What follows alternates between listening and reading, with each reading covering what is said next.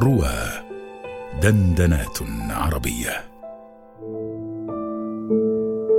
المنسيون ينهضون. إعادة الاعتبار لكبار المثقفين. مقال لإبراهيم عادل نشر على موقع إضاءات بصوت الراوي أسامة عبد الغني. في دراسة شيقة وبأسلوبه الأدبي المميز وطريقته في الكشف عن الكنوز الدفينة وبخبرة مثقف كبير يقدم الشاعر والباحث شعبان يوسف للمكتبة العربية كتاب المنسيون ينهضون. الصادر مؤخرا عن دار بتانة والذي يستعرض فيه بشكل موجز سيرة وحياة عشرين اديبا مصريا لم يحالفهم الحظ في المعرفة ولم ينالوا نصيبهم من الشهرة. بل وغابت أعمالهم الأدبية وجهودهم الفكرية والثقافية رغم فرادتها وتميزها ما بين التجاهل والنسيان. يكشف الكاتب عن عدد من وجوه الحياة الثقافية المصرية. ليس لكونهم مبدعين فحسب ولكن لأنهم كانوا أصحاب رؤية وتوجه خاص وحملوا على عاتقهم هم الكشف عن جوانب خاصة في كتاباتهم الأدبية. ومن المفجع أن يكون ثمرة ذلك الجهد الدؤوب وهذا التركيز الاستثنائي ذلك القدر الكبير من النسيان وغمط الحق والتجاهل. وإن كان ذلك يعكس من جهة أخرى عددا من عيوب ومثالب الحياة الثقافية في مصر. ومشكلاتها التي لا تزال تعاني منها حتى وقتنا الحالي. ففي معرض حديثه عن الأديب الكبير بدر الديب يأتي قوله كانت الحياة الثقافية وما زالت تعاني من تلك الفوضى العارمة ومن ذلك الاعوجاج الخلقي بكسر الخاء وضمها لأنها ترفع من تصفق له وتهبط من لا تفهمه. أو من لا يلائم مصالحها وأذواقها المتنافرة. ولكن في حياتنا الثقافية أصبحت ضرورة امتلاك أي كاتب لمواهب أخرى غير الكتابة هي السلاح الأمضى لمروره وشهرته ورواجه. تلك المواهب وهي إدارة شؤون التسويق التي تفترض ضمنا أن يريق الكاتب الموهوب ماء وجهه. ويذهب إلى ذلك الناقد المتغطرس حتى يكتب عنه. وقد يبدو للقارئ في البداية أن أمر التجاهل هذا ظل مقتصرا على مبدع أو أكثر في مجال من المجالات. في الوقت الذي يبدو فيه دور الناقد أكبر وأعظم بشكل لا يقارن. ولكن هذا الكتاب بالنماذج التي يعرضها ربما يشير ويؤكد على أن ذلك التجاهل والنسيان يعد سمة من سمات المجتمع وطبيعة من طبائعه. لا نعلم على وجه اليقين من الذي يرفعهم ويخلد ذكرهم ومن الذي يتجاهلهم فينساهم.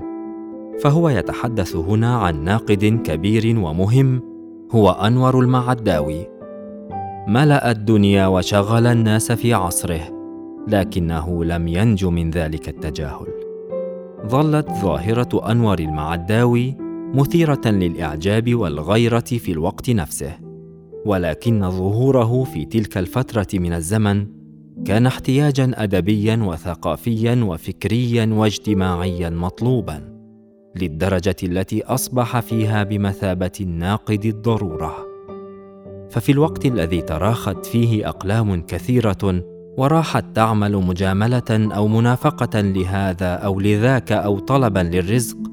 كان قلم أنور المعداوي يعمل نقديا بدون أي حسابات اجتماعية تذكر لدرجة أن كثيرين اتهموه أنه جاء لتحطيم المبعدين والنقاد والمفكرين وربما يكون مقبولا أو عاديا أن يتم تجاهل أو نسيان كاتب أو أكثر ممن قلت أعمالهم الأدبية مثل عادل كامل على سبيل المثال.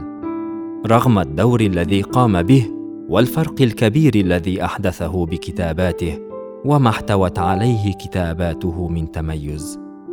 ومثل وحيد النقاش أيضا الذي بدأ حياته الأدبية قاصا ولكنه سرعان ما اتجه إلى النقد والترجمة.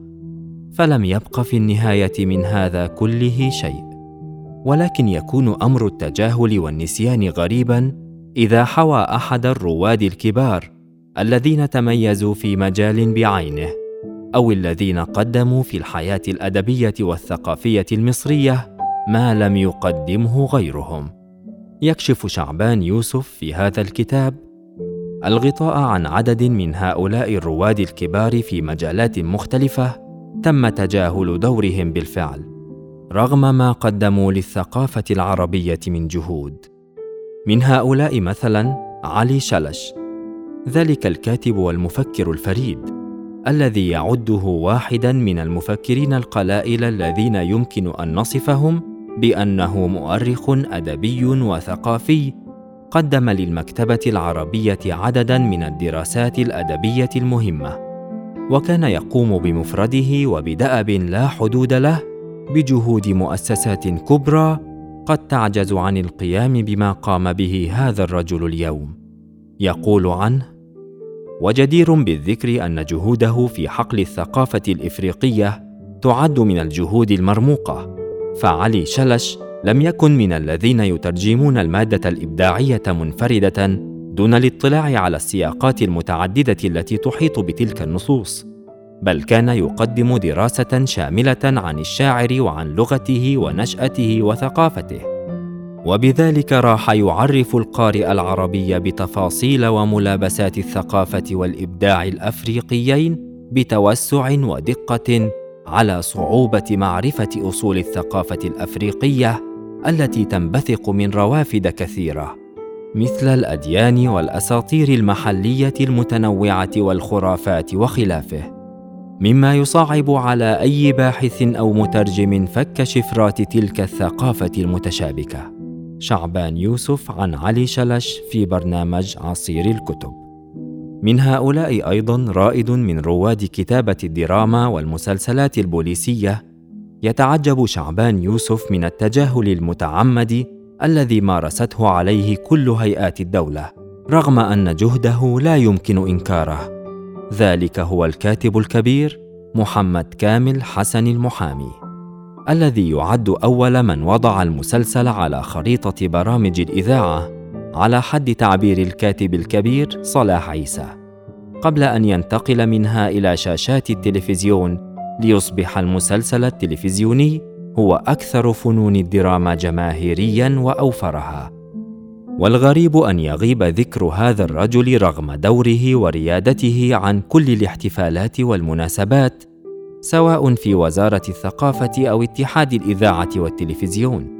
وهو الذي قدم أروع تمثيليات السهرة للإذاعة وكتب قصة وسيناريو وحوار 42 فيلما. وكانت نهاية دوره بأوامر عليا من المخابرات المصرية نتيجة زواجه من الممثلة سهير فخري التي قربته من برلانتي عبد الحميد. عشيقة المشير عبد الحكيم عامر وسرعان ما صدر قرار بإيداعه مستشفى المجانين التي خرج منها إلى الكويت ليقضي حياته هناك حتى وفاته.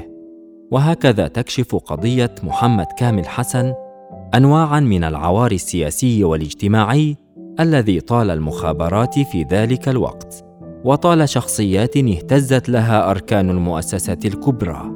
فالكاتب الذي برع في كتابة القصص والمسلسلات والأفلام البوليسية لم يكن يتخيل أنه سوف يصبح بطلا لقصة بوليسية حية وواقعية بهذا الشكل. فكاتب واحد لا يملك سوى القلم ترتعش أمامه سلطات صلاح نصر وبرلانت عبد الحميد ورجال أقوى رجل في الدولة المصرية. كما يتناول الكتاب طرفا من سيرة الناقدة والكاتبة المصرية الكبيرة نعمات فؤاد التي أعدت عددا من الأبحاث المهمة التي أثرت المكتبة الأدبية العربية والتي كانت بدايتها من بحث كان عنوانه الإنسانية في الأدب العربي المعاصر. انطلقت منه إلى آفاق الأدب الرحبه في مختلف اتجاهاته واستطاعت أن تعكس بقلمها ووقفاتها روح ذلك العصر وما تميز به من كتابة أدبية راقية. وتكتب كتابا طهما عن أم كلثوم تبرز فيه قدرتها الخاصة على الجمع بين الجوانب الإنسانية والأدبية فيما تتناوله من بحث ودراسة. كما أصدرت كتابها الهام إلى ابنتي الذي ترجمته منظمة اليونسكو لتعميمه في العالم والذي قدمت فيه دروسا في الوطنية السمحة ووجبة ثقافية دسمة من قراءاتها حول شخصيات مثل أحمد عرابي وجمال الدين الأفغاني وعبد الله النديم وغيرهم. هكذا يدور الكتاب حول هذه الرموز الثقافية الكبرى. التي طواها النسيان مستنهضا حكاياتهم وعارضا جوانب من أعمالهم وأفكارهم ورؤاهم حتى يسترشد بهم الأدباء والكتاب على مر الزمان. وربما يجدون في ذكر المنسيين والمغمورين من الأدباء الجدد السلوى في عدم ذكر أسمائهم اليوم على أمل أن يبقى أثرهم ويذكر في الغد. ولعل من حسن الحظ أن توفرت أخيرا أعمال عدد من هؤلاء الكتاب الذين تناولهم شعبان يوسف في كتابه في إصدارات خاصة نشرتها دار الكرمة تحت عنوان مختارات الكرمة. ضمت أعمال كل من بدر الديب وفكر الخولي وعادل كامل ومحمد خليل قاسم وغيرهم. ونتمنى أن تواصل تقديم مثل تلك الأعمال المتميزة التي جعلت من اليسير على القارئ أن يطلع على أعمال هؤلاء الكتاب ويستكشف ثراء عالمهم بنفسه. ولكن بقي على الجانب الآخر قدر كبير من إنتاج هؤلاء وغيرهم يخشى عليه أن يتم دهسه تحت عجلات النسيان وسط زخم وأعمال كثيرة قد لا ترقى إلى المستوى الأدبي الحقيقي ولكنها تنجح في أن تحيط نفسها ببريق كاذب وضجيج دائم بلا أي جدوى.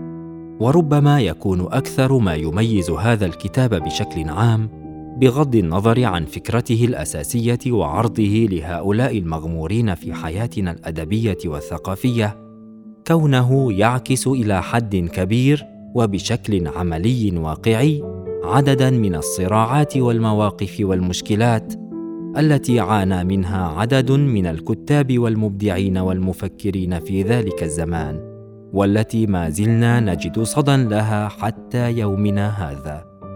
ومع كل ما حصلنا عليه من تقدم علمي وتكنولوجي إلا أننا لا نزال نرى ذلك الناقد الذي يشن حربا شعواء على آخر. أو ذلك الأديب المتقن الذي لا يجد له مكانا في الأضواء أو في الجوائز ولا حتى في رفوف المكتبات. أو ذلك الكاتب الذي يسعى جاهدا لكي ينشر عمله هنا وهناك حتى يفقد الأمل تماما وربما يترك الكتابة الأدبية برمتها رغم أنه كاتب واعد.